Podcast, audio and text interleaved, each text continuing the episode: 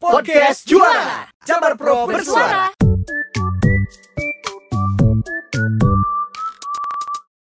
Baik, selamat datang dan selamat bergabung di podcast Juara Jabar Pro Bersuara. Nah, kali ini kita dapat kesempatan tentunya untuk uh, berbicara bincang asik ini tentang uh, kasus positif COVID-19 di Jawa Barat. Bahu membahu menangani pandemi. Dan tentunya juga hadir di tengah-tengah saya ada Ibu Marion dari Dinkes uh, Jawa Barat yang merupakan juga uh, Satgas Penanganan COVID-19 di Jawa Barat. Selamat uh, siang dan selamat bergabung, Bu Marion.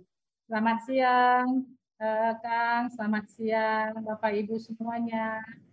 Baik, luar biasa sekali. Terima kasih Bu waktunya sudah uh, bersama-sama kami di sini menyempatkan di tengah kesibukan Ibu mungkin sekarang ini pasti banyak banget dicari ya Bu ya untuk menanyakan seperti apa tentunya pandemi sekarang di uh, Jawa Barat. Dan seperti kita tahu Bu, lonjakan uh, kasus uh, positif COVID-19 terjadi pasca libur uh, lebaran di Jawa Barat. Tingkat keterisian rumah sakit pun meningkat secara signifikan, termasuk pusat-pusat isolasi uh, rumah sakit dan non rumah sakit tentunya.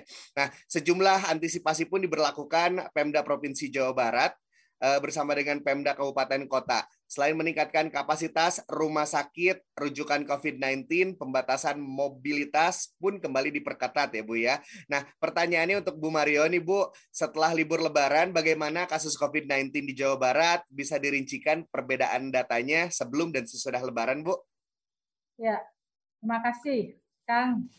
Ini apa ya betul-betul uh, satu forum yang barangkali uh, mudah-mudahan bisa menambah wawasan untuk uh, masyarakat karena saat ini kita sedang diuji.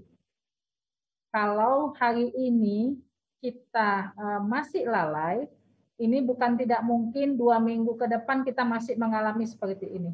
Wow. Dan kalau kita masih mengalami seperti ini, kita akan mengalami juga uh, fase yang berat, di mana pasien kes kita akan bisa kolaps gitu ya. ya. Nah, jadi uh, ini memang saya berterima kasih diundang di podcast ini. Mudah-mudahan uh, kita-kita yang mengikuti ini bisa menjadi apa ya pencerah untuk masyarakat di sekeliling kita. Nah, terkait dengan uh, kasus setelah Lebaran dan sebelum. Jadi kalau uh, saya melihat uh, kasus terkonfirmasi sebulan sebelum Lebaran, jadi saya ambil dari 9 April sampai 12 Mei. 9 April sampai 12 Mei itu sebulan lebih ya, ya. Uh, jarak waktunya. Itu ada penambahan kasus sebesar 33.876 kasus. Wow, banyak banget ya Bu ya. Itu sebelum Kang. Mhm. Jadi uh, memang kalau dilihat uh, COVID ini memang masih belum apa ya, belum bisa dikendalikan dengan baik. Ya. Ya, karena kalau kita lihat peran-peran kita sebagai anggota masyarakat juga uh, ini masih perlu sekali ditingkatkan. Ya. ya. Kemudian kalau kita lihat tadi satu bulan sebelum Lebaran, itu penambahan kasusnya kurang lebih 1.143 per hari. 1.143 per hari itu ya kalau dirata-ratakan itu cukup tinggi ya. Kalau dibagi 27 kabupaten kota di Jawa Barat berarti ya kalau dibagi rata itu ada 50 ya 50 eh, per hari eh 50 per kabupaten kota. Nah, kemudian setelah pasca lebaran, kita hitung lagi nih. Kalau nggak salah lebaran waktu tanggal 13 Mei. Tanggal 14 Mei sampai dengan Juni ya. Kita hitung lagi, mhm. penambahan kasusnya ada 39.685. Jadi wow. saya hitungnya sampai 16 Juni ya. Hari ini sudah tanggal 19 ya. 18 Juni? Ya, saya hitung sampai 16 Juni. Oh, 16 Juni. Jadi, ya. ya. Jadi ada penambahan 39.685. Jadi kalau dihitung eh, rata-rata per harinya ada 1.167 per hari. Tentunya dibandingkan sebulan dengan sebelum itu hampir sama ya, tidak begitu beda. Nah, ini barangkali uh, uh, berhubungan dengan aktivitas masyarakat. Ya. Jadi sebulan sebelum itu kan sudah masuk dalam bulan puasa, ya bulan Ramadan. Jadi ini memang aktivitas meningkat, ya. terutama kalau sudah namanya apa eh, kegiatan-kegiatan mulai dari berbuka puasa ya kemudian aktivitas-aktivitas keagamaan mulai dari apa namanya buka puasa kemudian taraweh bareng ya Bu ya taraweh bareng mhm. ya banyak sekali kegiatan-kegiatan yang memang kadang-kadang membuat kita lupa abai ya. ya itu barangkali ya walaupun itu dimulai dari lingkungan yang kecil lingkungan keluarga kemudian keluarga besar bahkan barangkali apa namanya meluas ke lingkungan uh, rumah ya perumahan dan lain-lain mhm. nah jadi kalau kita lihat peningkatannya sebelum dan sesudah itu memang nggak nggak nggak beda sebulan sebulan kami ambil ya. ya. Kalau kita lihat dari uh, se seminggu ataupun dua minggu dari sebelum eh, sesudah tahun baru, sebenarnya lebih banyak ini data eh, peningkatan kasus ketika selesai tahun baru kemarin jauh lebih besar ya. Tapi yang kita harus waspadai sekarang ini banyak yang masuknya ke rumah sakit itu yang agak berat. Gitu. Hmm. Agak berat ya. Mungkin punya komorbid kali ya, Bu. Ya, atau juga kalau yang masih muda-muda eh, banyak yang datang itu sudah memang dalam fasenya itu yang eh, sudah meningkat gitu. Oh. Jadi di awal mereka tahu mereka positif, melakukan hmm. isolasi mandiri, tapi kadang-kadang masih ada juga yang eh, beraktivitas di luar tahu padahal dia tahu nih dia dia positif ya. Dia beraktivitas di luar. Nah, tentunya ini yang menyebabkan barangkali kasus-kasus di rumah sakit itu banyak sekali yang sudah berat sampai kritis. Jadi dia datang itu dalam keadaan uh, statusnya meningkat. Nah, inilah barangkali yang harus kita edukasi ke masyarakat ketika mereka uh, positif ini harusnya melakukan isolasi, tidak hmm. lagi beraktivitas ke mana-mana, tidak lagi kontak dengan anggota keluarga yang lain. Kalau memungkinkan di rumah, tolonglah eh, kontak dengan istri, suami, orang tua atau anak. Ini benar-benar diperhitungkan, ya. Baik jarak, durasi, ventilasi, ini harus diperhitungkan. Ya, jadi eh, banyak hal memang eh, yang kita dapatkan saat ini peningkatan kasus ini sangat berhubungan dengan perilaku kita. Baik perilaku sebelum sakit maupun perilaku sesudah sakit. Ini Kak, ya. Jadi uh, ujian untuk kita ini hari ini. Mudah-mudahan kalau kita bisa berhasil uh, ngerem ya. Ya. Ngerem saat ini ya, kita uh, kembali ya. Kembali dengan 5M kita yang ketat, mudah-mudahan mm -hmm. ini bisa kita peaknya itu bisa kita apa potong gitu loh. Ya. Jangan sampai mudahan peaknya sekarang, jangan ada apalagi peak yang lain lagi.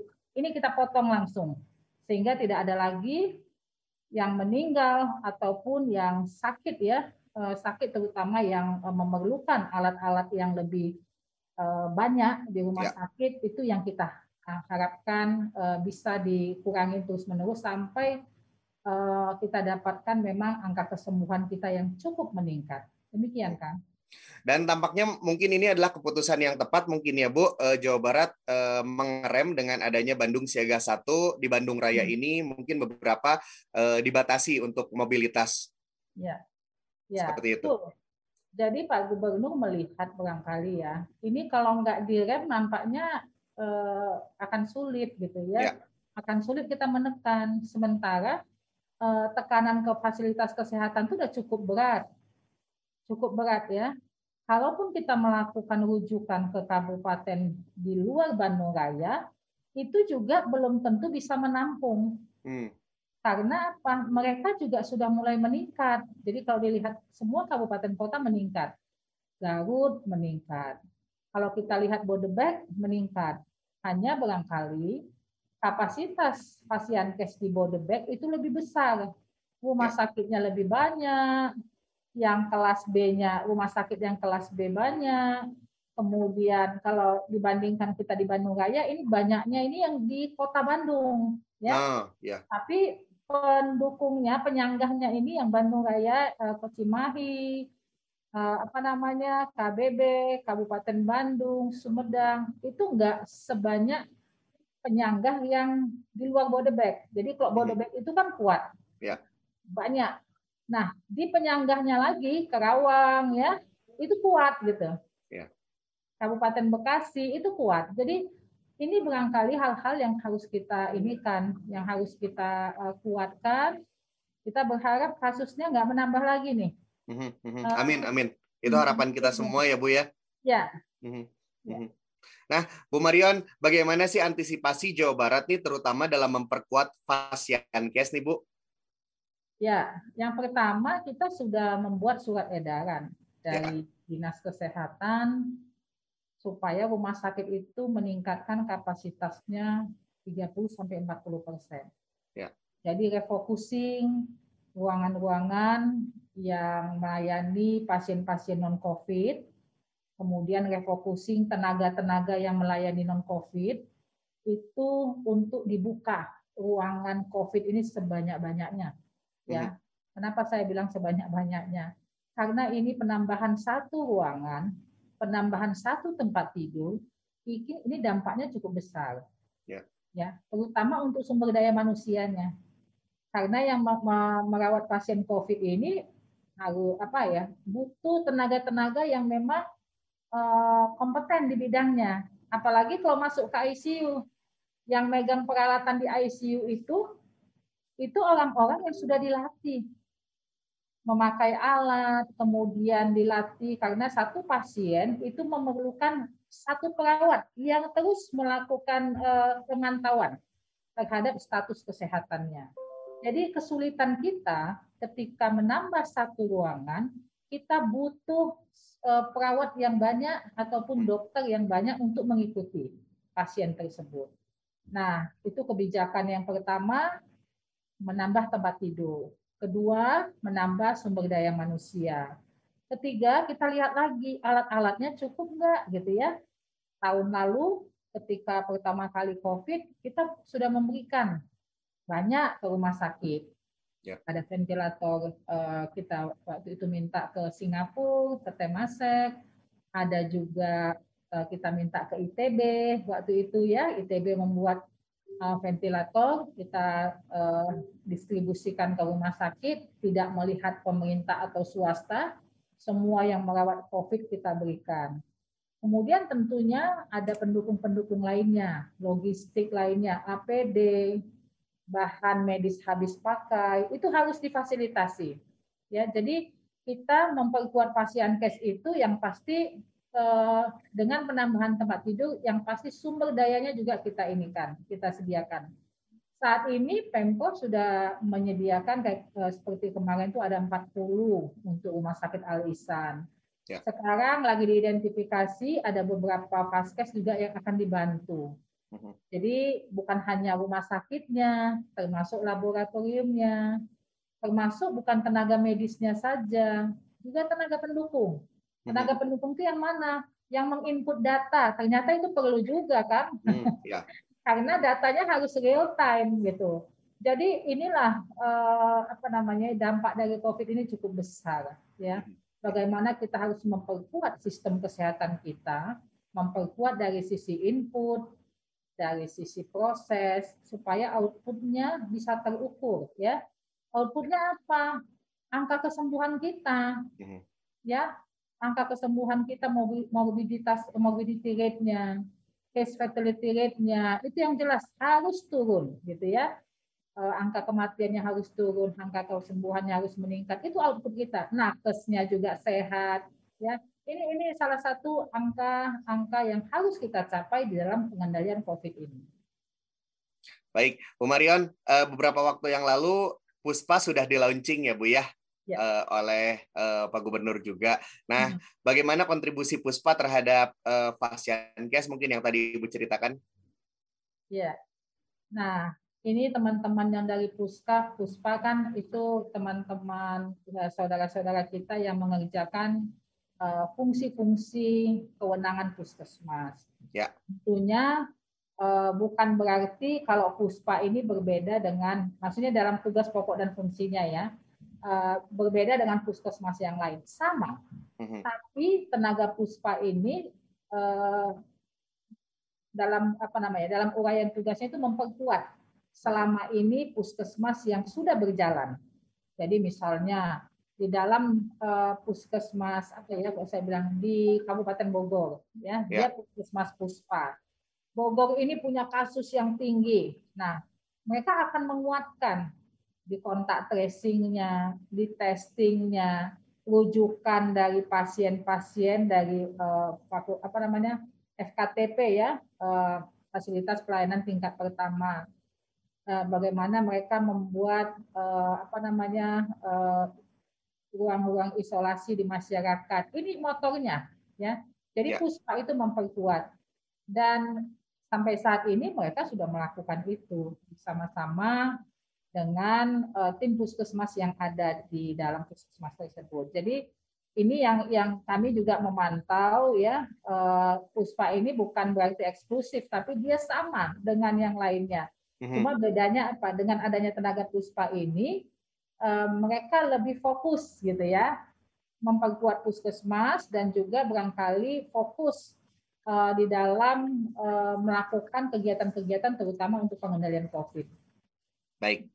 Baik, Bu Marion, uh, kalau boleh tahu, Bu, jumlah pusat isolasi dan rumah sakit darurat di Jawa Barat ini berapa sih, Bu?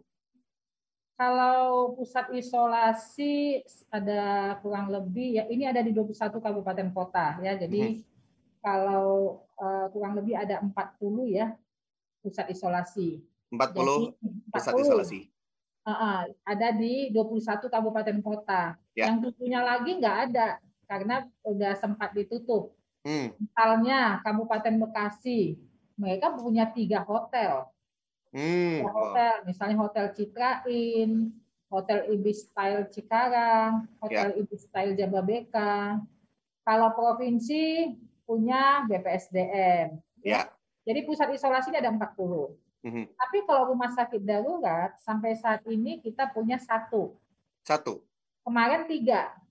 Mm-hmm. Jadi waktu uh, kemarin itu beberapa bulan yang lalu kita punya tiga rumah sakit darurat Chandra Baga, Stadion Chandra Baga itu kepunyaan Kabupaten eh, Kota Bekasi. Ya. Kemudian rumah sakit darurat yang Kota Bogor. Uh, ketiga rumah sakit darurat Secapa. Mm-hmm. Nah, Secapa ini masih beroperasi karena waktu itu Eh, kita melihat mengantisipasi untuk ada lonjakan kasus, kita tidak akan menutup. Kalau yang dua lagi memang ini oleh eh, Kota Bogor, Wali Kota Bogor dan Wali Kota Bekasi. Mm-hmm. Kalau Secapa ini eh, itu diinikan oleh ditetapkan oleh SK Gubernur. Yeah. Ya, jadi kita tidak akan menutup karena kita mengantisipasi saat ini juga kasus belum bisa kita kendalikan dengan baik. Mm-hmm. Jadi ada 40 pusat isolasi dan satu ya. rumah sakit darurat. Oke, rumah sakit darurat ini adalah yang disecapa itu ya Bu ya. Jadi Iya, betul. Ya. Oke, Bu, bagaimana mengkategorikan pasien? Misalkan pasien A bisa isoman atau dirujuk ke pusat isolasi, dirujuk ke rumah sakit atau ke uh, dirujuk ke rumah sakit darurat. Ya, tentunya Eh, semua yang positif kita harapkan ini sebenarnya ya alurnya itu bisa eh, datang ke puskesmas dulu hmm. atau kontak ke puskesmas. Jadi itu langkah yang pertama ya bu ya. Ya. Puskesmas. Datang ataupun tidak datang ya bisa melalui sekarang nomor-nomor kontak yang ada di puskesmas. Ya. Mereka melakukan seperti video call ya untuk hmm. menyampaikan menyampaikan uh, kondisi kesehatannya Mm-hmm. Nanti dokter itu akan menilai, menilai ini sebenarnya eh, pasien ini cocoknya ke mana gitu ya. Nah kita harus lihat kalau memang dia tanpa gejala sama sekali, ya nggak apa-apa isolasi mandiri. Yang penting rumahnya bisa sesuai gitu ya. Mm-hmm. Jadi misalnya kalau rumahnya tidak begitu besar, ada keluarga yang agak lebih banyak, barangkali tidak layak untuk isolasi mandiri di rumah. Ya. Jadi nanti puskesmas akan memandu. Idealnya seperti ini, ya. Nah, kemudian untuk yang uh, isolasi apa namanya, yang sakit ringan, jadi dia positif, uh, sakitnya ringan gitu ya, paling ya batuk, pilek, barangkali ya, ya. atau demam, ya tidak lebih dari demamnya tidak lebih dari 38,5 derajat Celcius misalnya. Hmm. Nah, itu biasanya diinikan ke pusat-pusat isolasi hmm. yang ditetapkan oleh pemerintah ya. ya. Di situ juga ada tenaga kesehatan. Uh, jadi apa ya namanya bisa dinilai, dipantau terus ya sampai sembuh. Nah, tentunya uh, kalaupun ada yang tadi uh, harus isolasi mandiri, itu harus juga memang uh, diperiksa terus-menerus oleh dokter ataupun uh, dipantau. Jadi tidak berarti kalau sudah disuruh isoman udah lepas dari pemantauan. Idealnya tidak begitu. Harus tetap sampai sembuh mereka itu dalam pemantauan tenaga kesehatan. Kemudian ada lagi nih kalau sakit eh, tadi ringan, ini sedang, sedang ya. Jadi eh, mulailah agak ya demam, kemudian agak eh, sesak ya, tapi belum sampai eh, sesaknya agak berat itu belum. Ini bisa ke rumah sakit darurat ya, dianggap oh ya orang puskesmas melihat ah ini mah nampaknya situasinya agak meningkat ya, ya. Hmm. kondisinya udah rujuk ke secapa contohnya atau ke BPSDM. Nah, ini hal-hal yang harus diketahui. Itulah sebabnya pasien ini harus punya kontak, harus tetap hmm. kontak dengan tenaga kesehatan. Ya, banyak beberapa eh beberapa uh, pasien kami lihat hmm. mereka kontak ketika sudah berat. Ya. Jadi jadi ini yang sulitnya ya kalau udah datang berat mau masuk ICU ICU-nya penuh tentunya ya akan ada dampak dari ya misalnya akhirnya meninggal ya seperti itu. Nah, ini yang harus kita minimalisir. Mhm. Nah, kalau gejalanya berat seperti apa? Ya itu udah pasti di rumah sakit.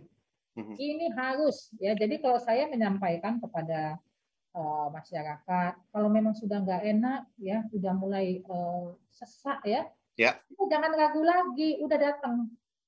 Datang aja, udah ke rumah sakit ya. Mhm, mhm. Tapi sebelum ke rumah sakit memang kita harus cegah dulu jangan sampai dia jatuh ke dalam gejala yang berat. Ya. Nggak mudah kalau mencari uh, rumah sakit ya. Uh, sekarang ini kita pinginnya ada yang pingin oh ya saya ingin ke rumah sakit, ingin kamarnya sendiri, ingin kamarnya sekamar pun paling banyak dua.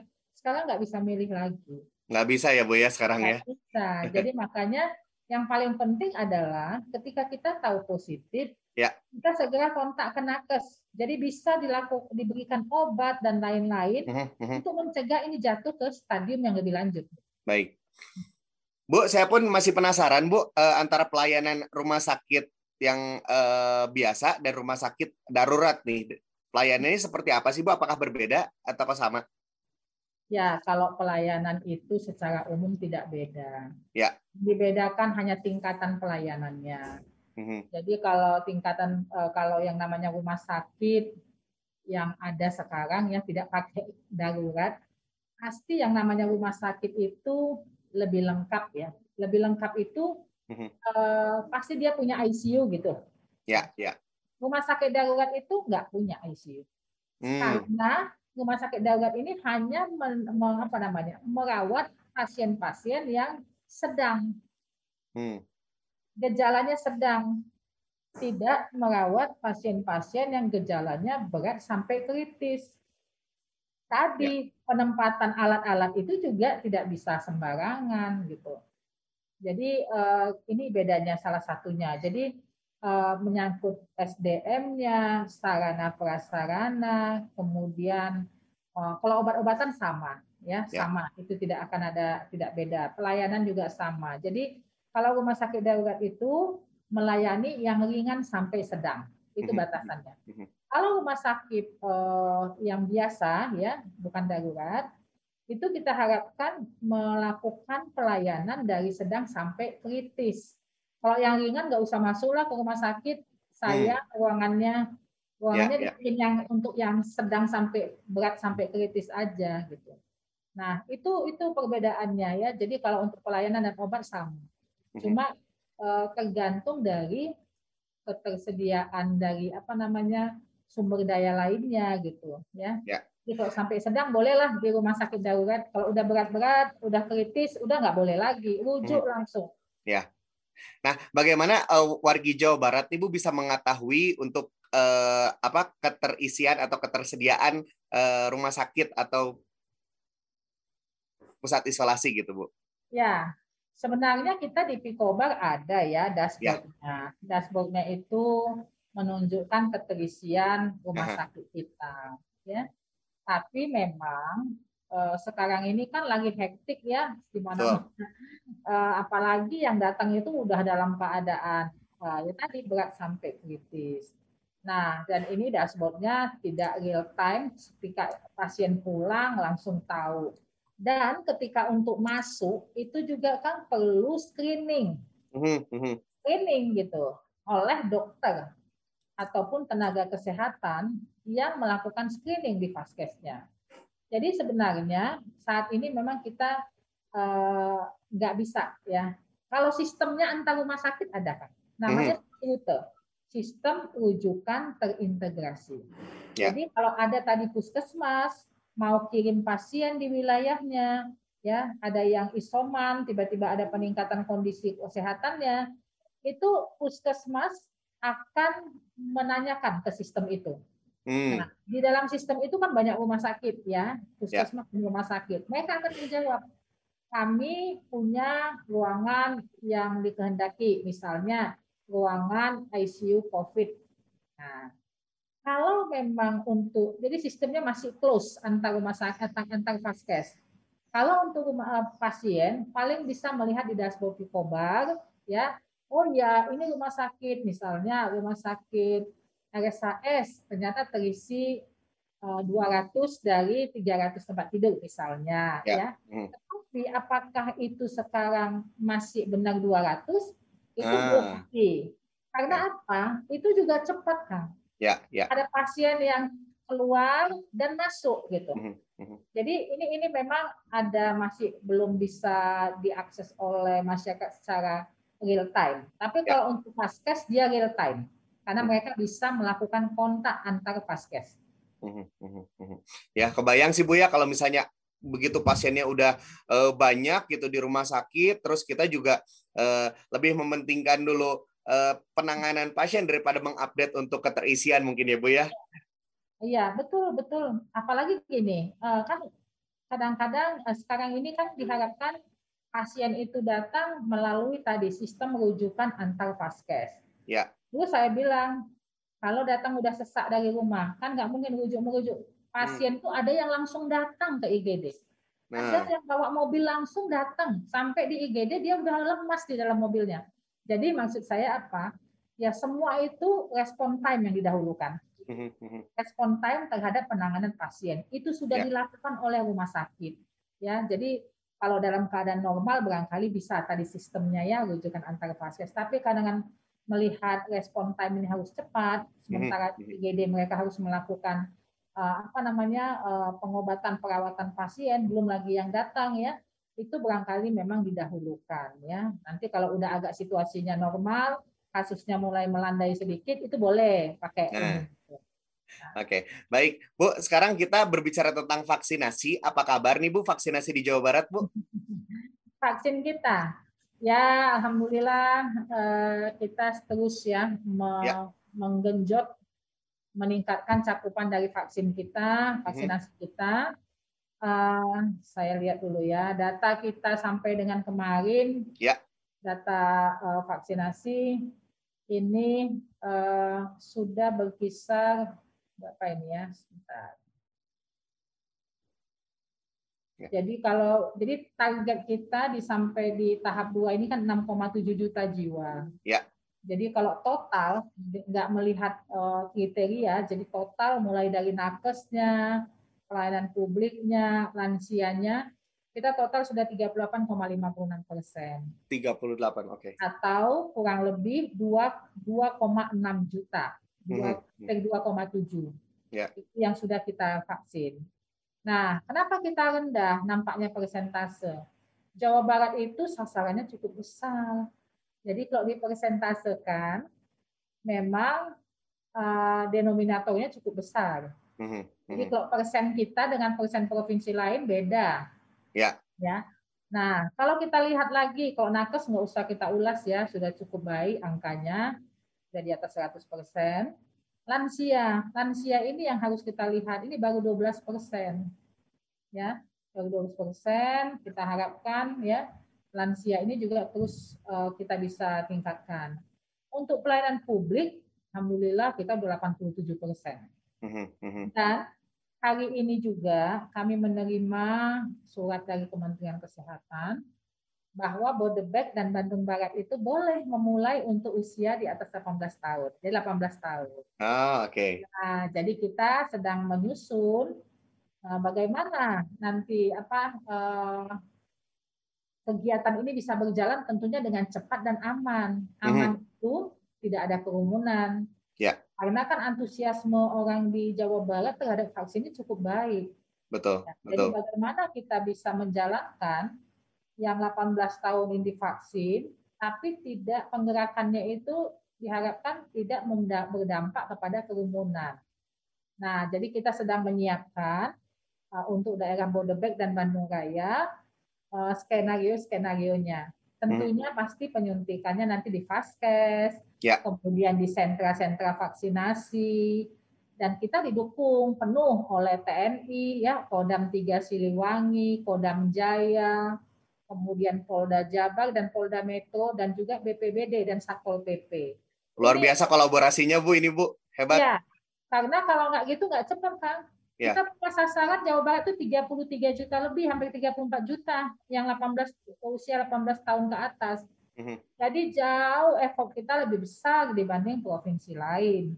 Yeah. Nah, kalau kerja sendiri nggak akan bisa. Ini harus kolaborasinya cukup kuat ini.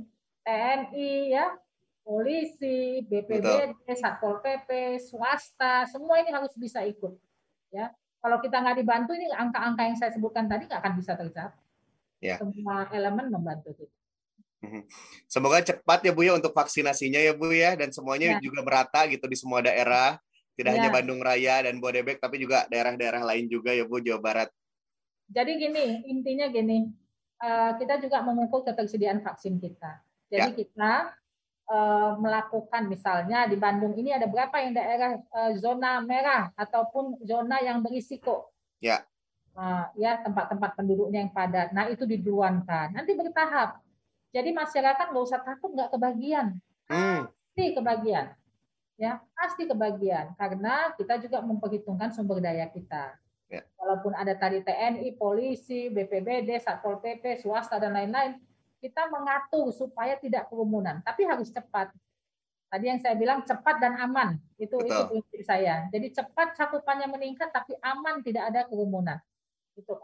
Oke, baik Bu Marion dan ini uh, perbincangan ini semakin menarik Bu, tapi waktu yang harus memisahkan kita nih Bu. Oke, okay. mungkin boleh untuk wargi Jabar Bu, apa imbauannya nih dari uh, Bu Marion sebagai Ketua Divisi Penanganan Kesehatan Satgas COVID-19 Provinsi Jawa Barat untuk wargi Jabar mungkin Bu untuk meng dalam mengantisipasi lonjakan uh, lainnya mungkin atau keterlibatan masyarakat mungkin dalam uh, apa uh, vaksinasi ini. Mungkin ada yang mau disampaikan, silakan Bu. Ya, pada semua warga Jabar, ya kita harus bisa bersama-sama mengendalikan COVID-19 ini. Tidak hanya pemerintah, tidak hanya Satgas, tapi keterlibatan masyarakat ini yang paling penting. Ya, uh, kita berharap dengan kebersamaan mulai dari apa kolaborasi kita ya mulai dari pemerintah, swasta, masyarakat, akademisi ya. Kemudian siapa lagi Kang? Uh, apa lagi? ABCGM ya Bu ya. Wah, ha, ha, ya. Itu harus bisa, pentahelixnya harus bisa berjalan. Ya. Tapi ya. peran terbesar itu masyarakat. Ya. Ya. Bagaimana eh, apa pun program pemerintah ini yang harus didukung ya. Kemudian apa pun program pemerintah masyarakat itulah kuncinya. Jadi mudah-mudahan ya eh, dengan kebersamaan kita ya saya juga tahu masyarakat sebenarnya punya niat yang eh, baik untuk ya. bisa mengendalikan Covid ini. Kalaupun ada sedikit-sedikit itu barangkali hanya satu ini ya eh, bunga-bunga di dalam yeah. pengendalian Covid ini. Tapi gimik, gimik ya Bu ya. ya. Jadi kita berharap dua minggu ke depan ini sudah bisa relaksasi. Ya. Kalau bisa minggu depan juga ini sudah relaksasi karena kita ingin perekonomian kita juga berjalan ya sehat dan kita juga ekonominya lancar itu yang paling penting demikian kan.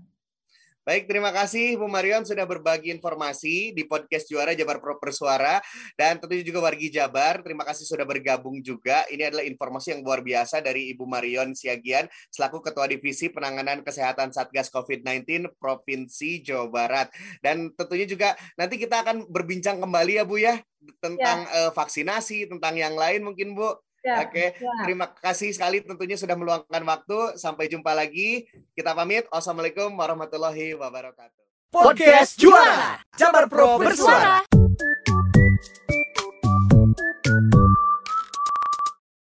Podcast Juara Jabar Pro bersuara.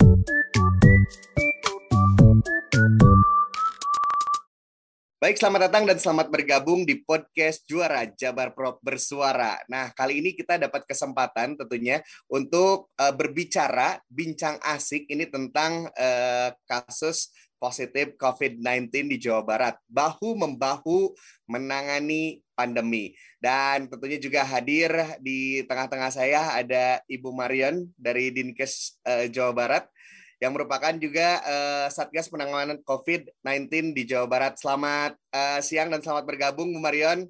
Selamat siang, uh, Kang. Selamat siang, Bapak Ibu semuanya. Baik, luar biasa sekali. Terima kasih Bu waktunya sudah uh, bersama-sama kami di sini menyempatkan di tengah kesibukan Ibu mungkin sekarang ini pasti banyak banget dicari ya Bu ya untuk menanyakan seperti apa tentunya pandemi sekarang di uh, Jawa Barat. Dan seperti kita tahu Bu, lonjakan uh, kasus uh, positif COVID-19 terjadi pasca libur uh, lebaran di Jawa Barat. Tingkat keterisian rumah sakit pun meningkat secara signifikan, termasuk pusat-pusat isolasi uh, rumah sakit dan non rumah sakit tentunya. Nah, sejumlah antisipasi pun diberlakukan Pemda Provinsi Jawa Barat bersama dengan Pemda Kabupaten Kota. Selain meningkatkan kapasitas rumah sakit rujukan COVID-19, pembatasan mobilitas pun kembali diperketat ya Bu ya. Nah pertanyaannya untuk Bu Mario nih Bu, setelah libur lebaran bagaimana kasus COVID-19 di Jawa Barat? Bisa dirincikan perbedaan datanya sebelum dan sesudah lebaran Bu? Ya, terima kasih Kang. Ini apa ya betul-betul uh, satu forum yang barangkali uh, mudah-mudahan bisa menambah wawasan untuk uh, masyarakat karena saat ini kita sedang diuji. Kalau hari ini kita uh, masih lalai, ini bukan tidak mungkin dua minggu ke depan kita masih mengalami seperti ini. Wow. Dan kalau kita masih mengalami seperti ini, kita akan mengalami juga uh, fase yang berat, di mana pasien case kita akan bisa kolaps gitu ya. ya. Nah, jadi uh, ini memang saya berterima kasih diundang di podcast ini. Mudah-mudahan uh, kita-kita yang mengikuti ini bisa menjadi apa ya pencerah untuk masyarakat di sekeliling kita. Nah, terkait dengan uh, kasus setelah Lebaran dan sebelum. Jadi kalau uh, saya melihat uh, kasus terkonfirmasi sebulan sebelum Lebaran, jadi saya ambil dari 9 April sampai 12 Mei. 9 April sampai 12 Mei itu sebulan lebih ya, ya. Uh, jarak waktunya. Itu ada penambahan kasus sebesar 33.876 kasus. Wow, banyak banget ya Bu ya. Itu sebelum Kang. Mhm. Jadi uh, memang kalau dilihat uh, COVID ini memang masih belum apa ya, belum bisa dikendalikan dengan baik. Ya. Ya, karena kalau kita lihat peran-peran kita sebagai anggota masyarakat juga uh, ini masih perlu sekali ditingkatkan. Ya. ya. Kemudian kalau kita lihat tadi satu bulan sebelum Lebaran, itu penambahan kasusnya kurang lebih 1.143 per hari. 1.143 per hari itu ya kalau dirata-ratakan itu cukup tinggi ya. Kalau dibagi 27 kabupaten kota di Jawa Barat berarti ya kalau dibagi rata itu ada 50 ya 50 eh, per hari eh 50 per kabupaten kota. Nah, kemudian setelah pasca lebaran, kita hitung lagi nih. Kalau nggak salah lebaran waktu tanggal 13 Mei. Tanggal 14 Mei sampai dengan Juni ya. kita hitung lagi, Mhm. penambahan kasusnya ada 39.685. Jadi Wow. per- saya hitungnya sampai 16 Juni ya. Hari ini sudah tanggal 19 ya. 18 Juni. Ya, sa- saya hitung sampai 16 Juni. Oh, 16 Juni Jadi ya. ya. Jadi ada penambahan 39.685. Jadi kalau dihitung eh, rata-rata per harinya ada 1.167 per hari. Tentunya dibandingkan sebulan dengan sebelum itu hampir sama ya, tidak begitu beda. Mhm, mhm. Nah, ini barangkali eh, eh, berhubungan dengan aktivitas masyarakat. Ya. Jadi sebulan sebelum itu kan sudah masuk dalam bulan puasa, ya bulan Ramadan.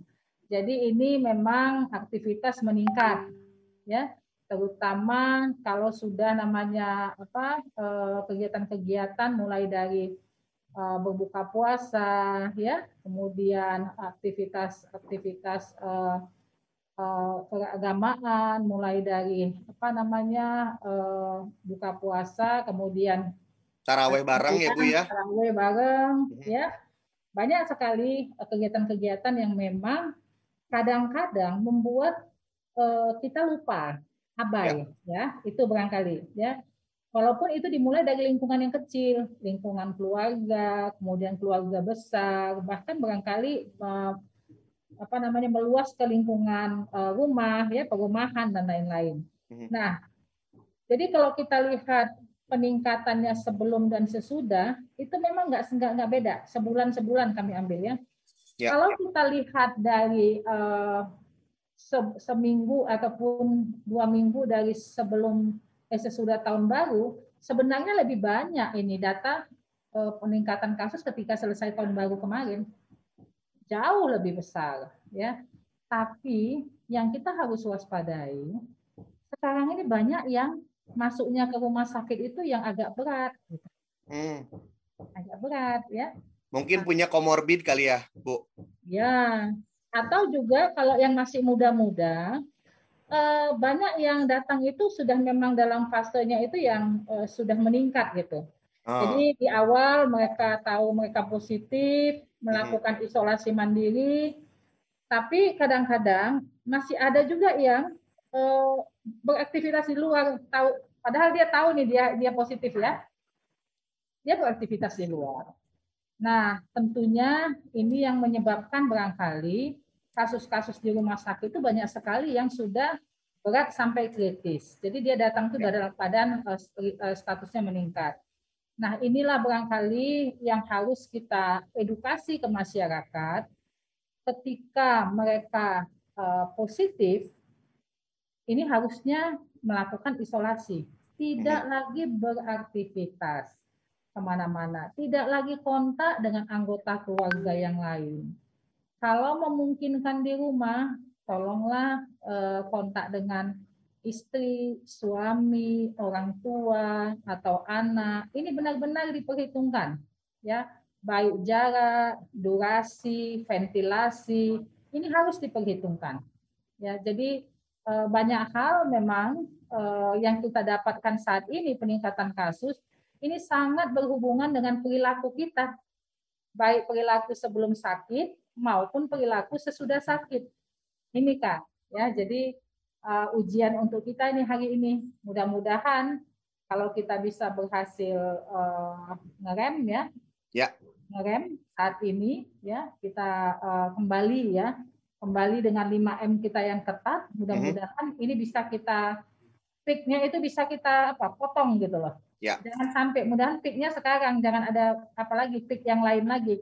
Ini kita potong langsung sehingga tidak ada lagi yang meninggal ataupun yang sakit ya eh, sakit terutama yang eh, memerlukan alat-alat yang lebih eh, banyak di rumah Ya. sakit itu yang kita harapkan eh, bisa dikurangi terus menerus sampai kita dapatkan memang angka kesembuhan kita yang cukup meningkat demikian kan Dan tampaknya mungkin ini adalah keputusan yang tepat mungkin ya Bu, Eh, Jawa Barat eh, mengerem dengan adanya Bandung Siaga 1 di Bandung Raya Hmm. ini mungkin beberapa eh, dibatasi untuk mobilitas ya ya seperti itu. betul.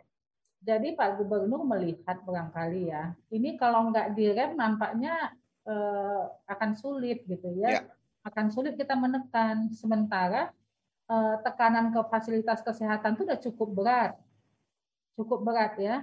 Kalaupun kita melakukan rujukan ke kabupaten di luar Bandung Raya, itu juga belum tentu bisa menampung Hmm.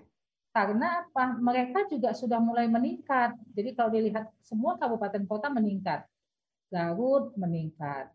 Kalau kita lihat Bodebek meningkat. Hanya barangkali kapasitas pasien kes di Bodebek itu lebih besar. Rumah sakitnya lebih banyak, yang kelas B-nya rumah sakit yang kelas B banyak. Kemudian kalau dibandingkan kita di Bandung Raya ini banyaknya ini yang di Kota Bandung ya. Ah, ya. Tapi pendukungnya, penyanggahnya ini yang Bandung Raya, eh, Kocimahi, eh, apa namanya KBB, Kabupaten Bandung, Sumedang itu enggak sebanyak penyanggah yang di luar Bodebek. Jadi kalau Bodebek itu kan kuat, Ya. banyak. Nah di penyanggahnya lagi Kerawang ya itu kuat gitu. Ya. Kabupaten Bekasi itu kuat. Jadi ini barangkali hal-hal yang harus kita ini kan, yang harus kita eh, kuatkan. Kita berharap kasusnya nggak menambah lagi nih. Mhm, mhm. Eh, Amin, amin. Itu harapan kita semua ya, Bu ya. Ya, Mhm, Ya. Nah, Bu Marion, bagaimana sih antisipasi Jawa Barat nih terutama dalam memperkuat Fasiankes nih, Bu? Ya, yang pertama kita sudah membuat surat edaran dari Dinas Kesehatan supaya rumah sakit itu meningkatkan kapasitasnya 30 sampai 40 persen. Ya.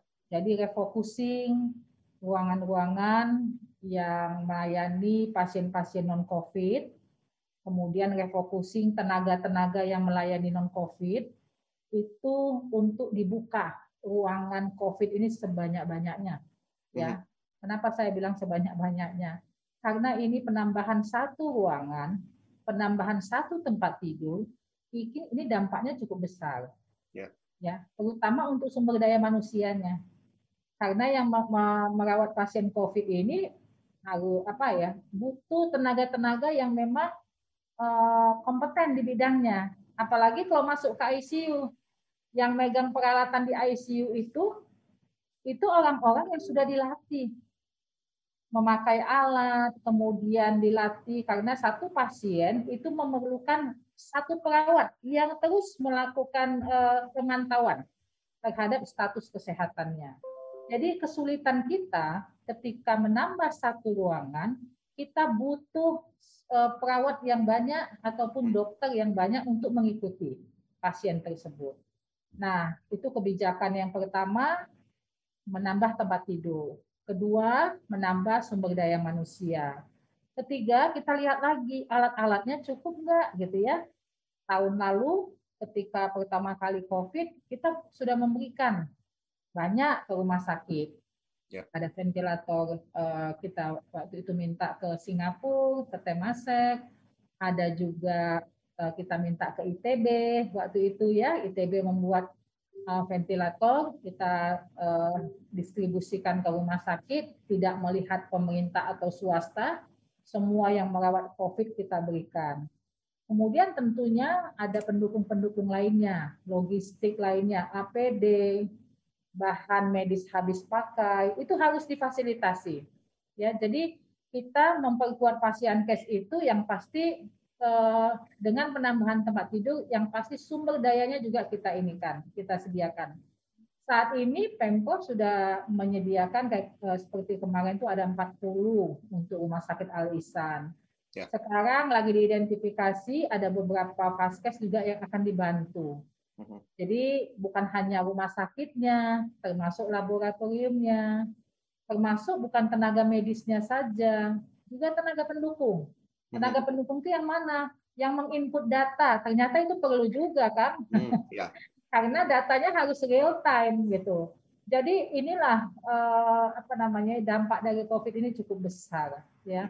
Bagaimana kita harus memperkuat sistem kesehatan kita, memperkuat dari sisi input, dari sisi proses supaya outputnya bisa terukur ya. Outputnya apa? Angka kesembuhan kita Mhm. ya angka kesembuhan kita morbiditas morbidity rate-nya case fatality rate-nya itu yang jelas harus turun gitu ya. Eh, angka kematiannya harus turun, angka kesembuhannya harus meningkat. Itu output kita. Nakesnya juga sehat ya. Ini ini salah satu angka-angka yang harus kita capai di dalam pengendalian COVID ini. Baik, Bu Marion, eh, beberapa waktu yang lalu Puspa sudah di launching ya Bu ya, ya. Uh, oleh uh, Pak Gubernur juga. Nah, hmm. bagaimana kontribusi Puspa terhadap uh, pasien case mungkin yang tadi Ibu ceritakan? Ya. Nah, ini teman-teman yang dari Puska, Puspa kan itu teman-teman saudara-saudara kita yang mengerjakan fungsi-fungsi kewenangan puskesmas. Ya. Tentunya bukan berarti kalau Puspa ini berbeda dengan, maksudnya dalam tugas pokok dan fungsinya ya, Eh, berbeda dengan puskesmas yang lain. Sama, mm-hmm. tapi tenaga puspa ini dalam apa namanya dalam uraian tugasnya itu memperkuat selama ini puskesmas yang sudah berjalan. Jadi misalnya di dalam uh, puskesmas apa ya kalau saya bilang di Kabupaten Bogor ya yeah. dia puskesmas puspa. Bogor ini punya kasus yang tinggi. Nah, mereka akan menguatkan di kontak tracingnya, di testingnya, rujukan dari pasien-pasien dari uh, apa namanya FKTP ya uh, fasilitas pelayanan tingkat pertama. Uh, bagaimana mereka membuat uh, apa namanya ruang-ruang isolasi di masyarakat. Ini motornya ya.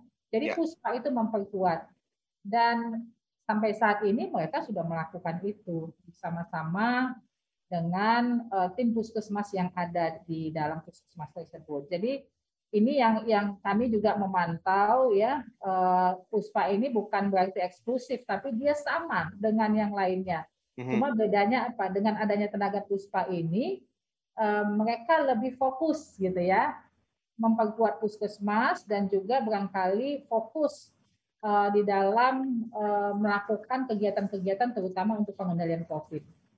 Baik, Baik, Bu Marion, kalau boleh tahu, Bu, jumlah pusat isolasi dan rumah sakit darurat di Jawa Barat ini berapa sih, Bu? Kalau pusat isolasi ada kurang lebih ya ini ada di 21 kabupaten kota ya. Jadi hmm.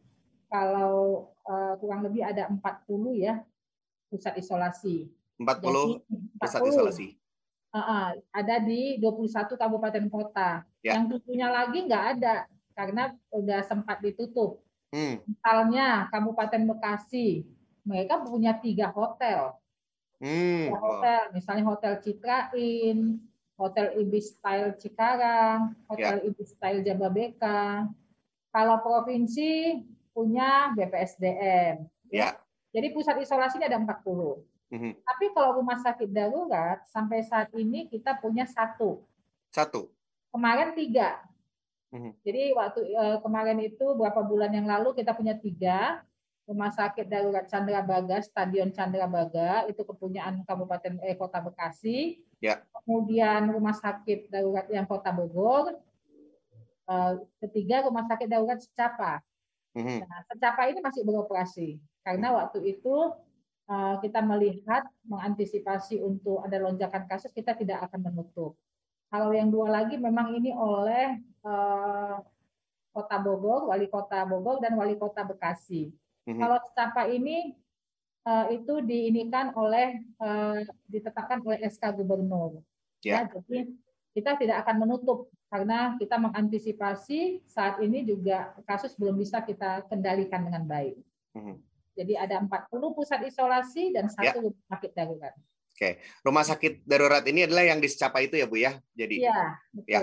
Oke, Bu, bagaimana mengkategorikan pasien? Misalkan pasien A bisa isoman atau dirujuk ke pusat isolasi, dirujuk ke rumah sakit atau ke uh, dirujuk ke rumah sakit darurat. Ya, tentunya uh, semua yang positif kita harapkan ini sebenarnya ya alurnya itu bisa uh, datang ke puskesmas dulu hmm. atau kontak ke puskesmas. Jadi itu langkah yang pertama ya Bu ya. Ya. Puskesmas. Datang ataupun tidak datang ya bisa melalui sekarang nomor-nomor kontak yang ada di puskesmas. Ya. Mereka melakukan seperti video call ya untuk hmm. menyampaikan menyampaikan uh, kondisi kesehatannya. Hmm. Nanti dokter itu akan menilai menilai ini sebenarnya eh, pasien ini cocoknya ke mana gitu ya. Nah, kita harus lihat kalau memang dia tanpa gejala sama sekali, ya nggak apa-apa isolasi mandiri. Yang penting rumahnya bisa sesuai gitu ya. Hmm. Jadi misalnya kalau rumahnya tidak begitu besar, ada keluarga yang agak lebih banyak, barangkali tidak layak untuk isolasi mandiri di rumah. Ya. Jadi nanti puskesmas akan memandu. Idealnya seperti ini, ya. Nah, kemudian untuk yang uh, isolasi apa namanya, yang sakit ringan, jadi dia positif, uh, sakitnya ringan gitu ya, paling ya batuk, pilek, barangkali ya, ya. atau demam, ya tidak lebih dari demamnya tidak lebih dari 38,5 derajat Celcius misalnya. Hmm. Nah, itu biasanya diinikan ke pusat-pusat isolasi hmm. yang ditetapkan oleh pemerintah ya. ya. Di situ juga ada tenaga kesehatan. Uh, jadi apa ya namanya bisa dinilai, dipantau terus ya sampai sembuh. Nah, tentunya uh, kalaupun ada yang tadi uh, harus isolasi mandiri, itu harus juga memang uh, diperiksa terus menerus oleh dokter ataupun dipantau. Jadi tidak berarti kalau sudah disuruh isoman udah lepas dari pemantauan. Idealnya tidak begitu. Harus tetap sampai sembuh mereka itu dalam pemantauan tenaga kesehatan. Kemudian ada lagi nih kalau sakit uh, tadi ringan, ini sedang, sedang ya. Jadi uh, mulailah agak ya demam, kemudian agak sesak ya, tapi belum sampai uh, sesaknya agak berat itu belum. Ini bisa ke rumah sakit darurat ya. Dianggap oh ya, orang puskesmas melihat ah ini mah nampaknya situasinya agak meningkat ya, ya. Hmm. kondisinya. Udah rujuk ke secapa contohnya atau ke BPSDM. Nah, ini hal-hal yang harus diketahui Itulah sebabnya pasien ini harus punya kontak, harus tetap hmm. kontak dengan tenaga kesehatan. Ya, banyak beberapa eh beberapa uh, pasien kami lihat hmm. mereka kontak ketika sudah berat. Ya. Jadi jadi ini yang sulitnya ya kalau udah datang berat mau masuk ICU ICU-nya penuh tentunya ya akan ada dampak dari ya misalnya akhirnya meninggal ya seperti itu. Nah, ini yang harus kita minimalisir. Mhm. Nah, kalau gejalanya berat seperti apa? Ya, itu udah pasti di rumah sakit. Mhm. Ini harus ya. Jadi kalau saya menyampaikan kepada uh, masyarakat, kalau memang sudah nggak enak ya, sudah mulai uh, sesak ya, ya. jangan ragu lagi, udah datang, datang aja, udah ke rumah sakit ya. Mhm, Tapi sebelum ke rumah sakit, memang kita harus cegah dulu, jangan sampai dia jatuh ke dalam gejala yang berat. Ya. Nggak mudah kalau mencari uh, rumah sakit ya. Uh, sekarang ini kita pinginnya ada yang pingin oh ya saya ingin ke rumah sakit, ingin kamarnya sendiri, ingin kamarnya sekamar pun paling banyak dua. Sekarang nggak bisa milih lagi. Nggak bisa ya Bu ya sekarang nggak ya? bisa. Jadi makanya yang paling penting adalah ketika kita tahu positif, ya. kita segera kontak ke nakes. Jadi bisa dilakukan diberikan obat dan lain-lain uh -huh. untuk mencegah ini jatuh ke stadium yang lebih lanjut. Baik. Bu, saya pun masih penasaran Bu eh, antara pelayanan rumah sakit yang eh, biasa dan rumah sakit darurat nih. Pelayanannya seperti apa sih Bu? Apakah berbeda atau sama? Ya, kalau pelayanan itu secara umum tidak beda. Ya. Dibedakan hanya tingkatan pelayanannya. Mm-hmm. Jadi kalau tingkatan eh, kalau yang namanya rumah sakit yang ada sekarang yang tidak pakai darurat, pasti yang namanya rumah sakit itu lebih lengkap ya. Lebih lengkap itu mm-hmm. eh, pasti dia punya ICU gitu. Ya, ya. Rumah sakit darurat itu nggak punya ICU. Mm. Karena rumah sakit darurat ini hanya men, apa namanya merawat pasien-pasien yang sedang hmm.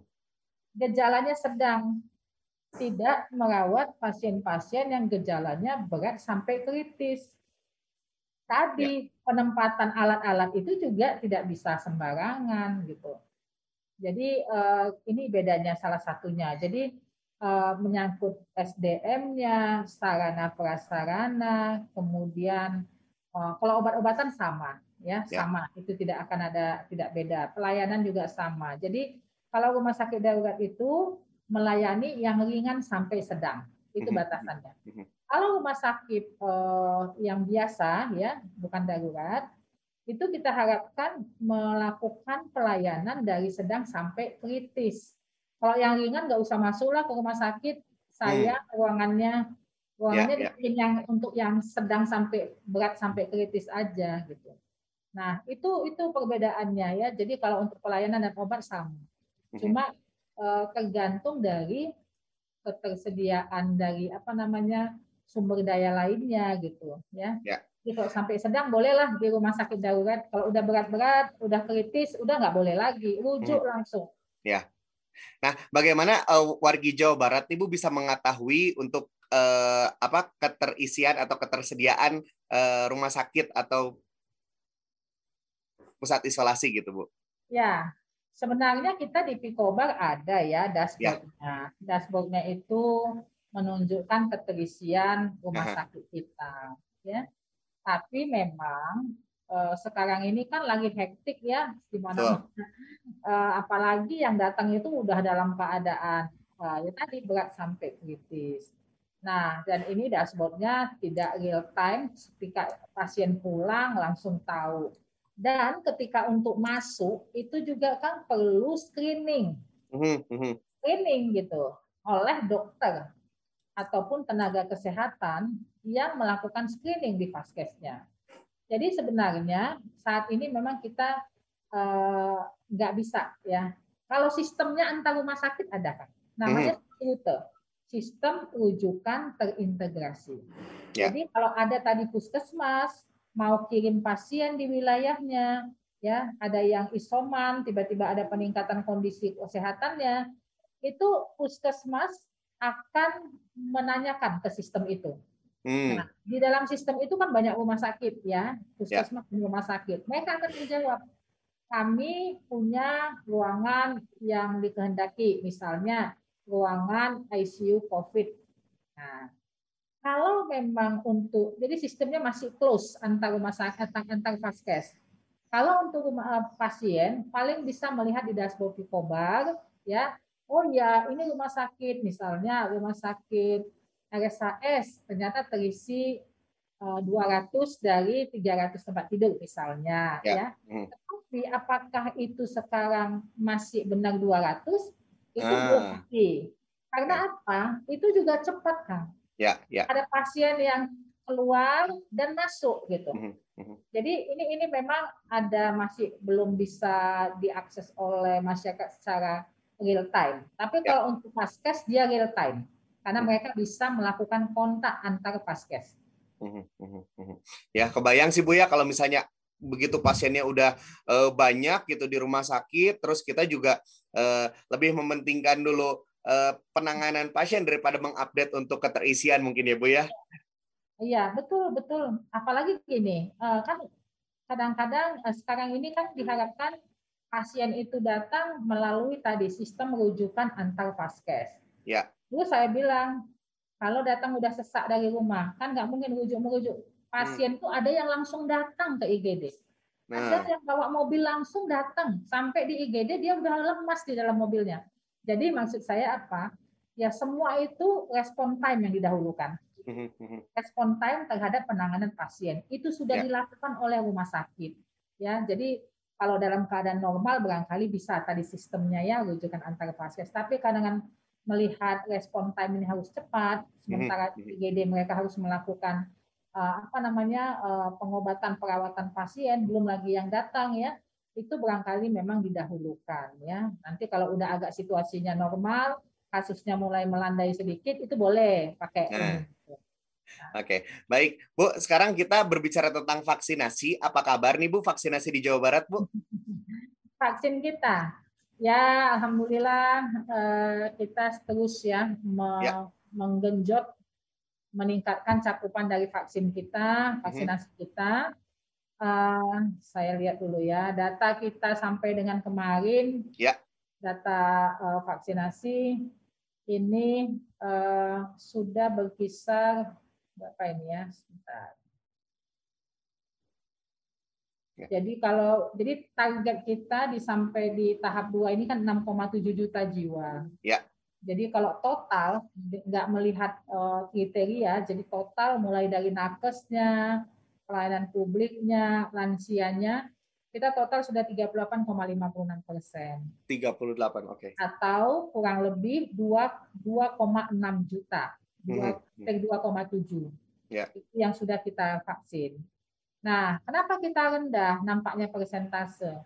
Jawa Barat itu sasarannya cukup besar. Jadi kalau dipersentasekan, memang uh, denominatornya cukup besar. Mm-hmm. Jadi kalau persen kita dengan persen provinsi lain beda. Ya. Ya. Nah, kalau kita lihat lagi, kalau nakes nggak usah kita ulas ya, sudah cukup baik angkanya, sudah di atas 100 persen. Lansia, lansia ini yang harus kita lihat, ini baru 12 persen. Ya, baru 12 persen, kita harapkan ya lansia ini juga terus uh, kita bisa tingkatkan. Untuk pelayanan publik, Alhamdulillah kita udah 87 persen.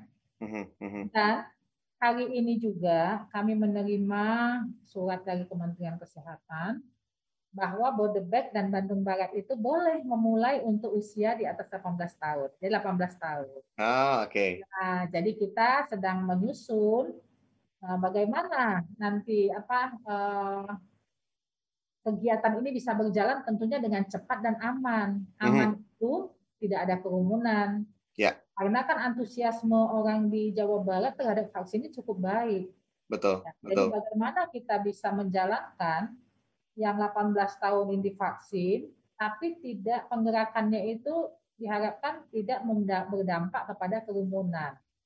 Nah, jadi kita sedang menyiapkan uh, untuk daerah Bodebek dan Bandung Raya uh, skenario-skenarionya. Tentunya hmm. pasti penyuntikannya nanti di Vaskes, ya. kemudian di sentra-sentra vaksinasi, dan kita didukung penuh oleh TNI, ya Kodam 3 Siliwangi, Kodam Jaya, kemudian Polda Jabar dan Polda Metro dan juga BPBD dan Satpol PP.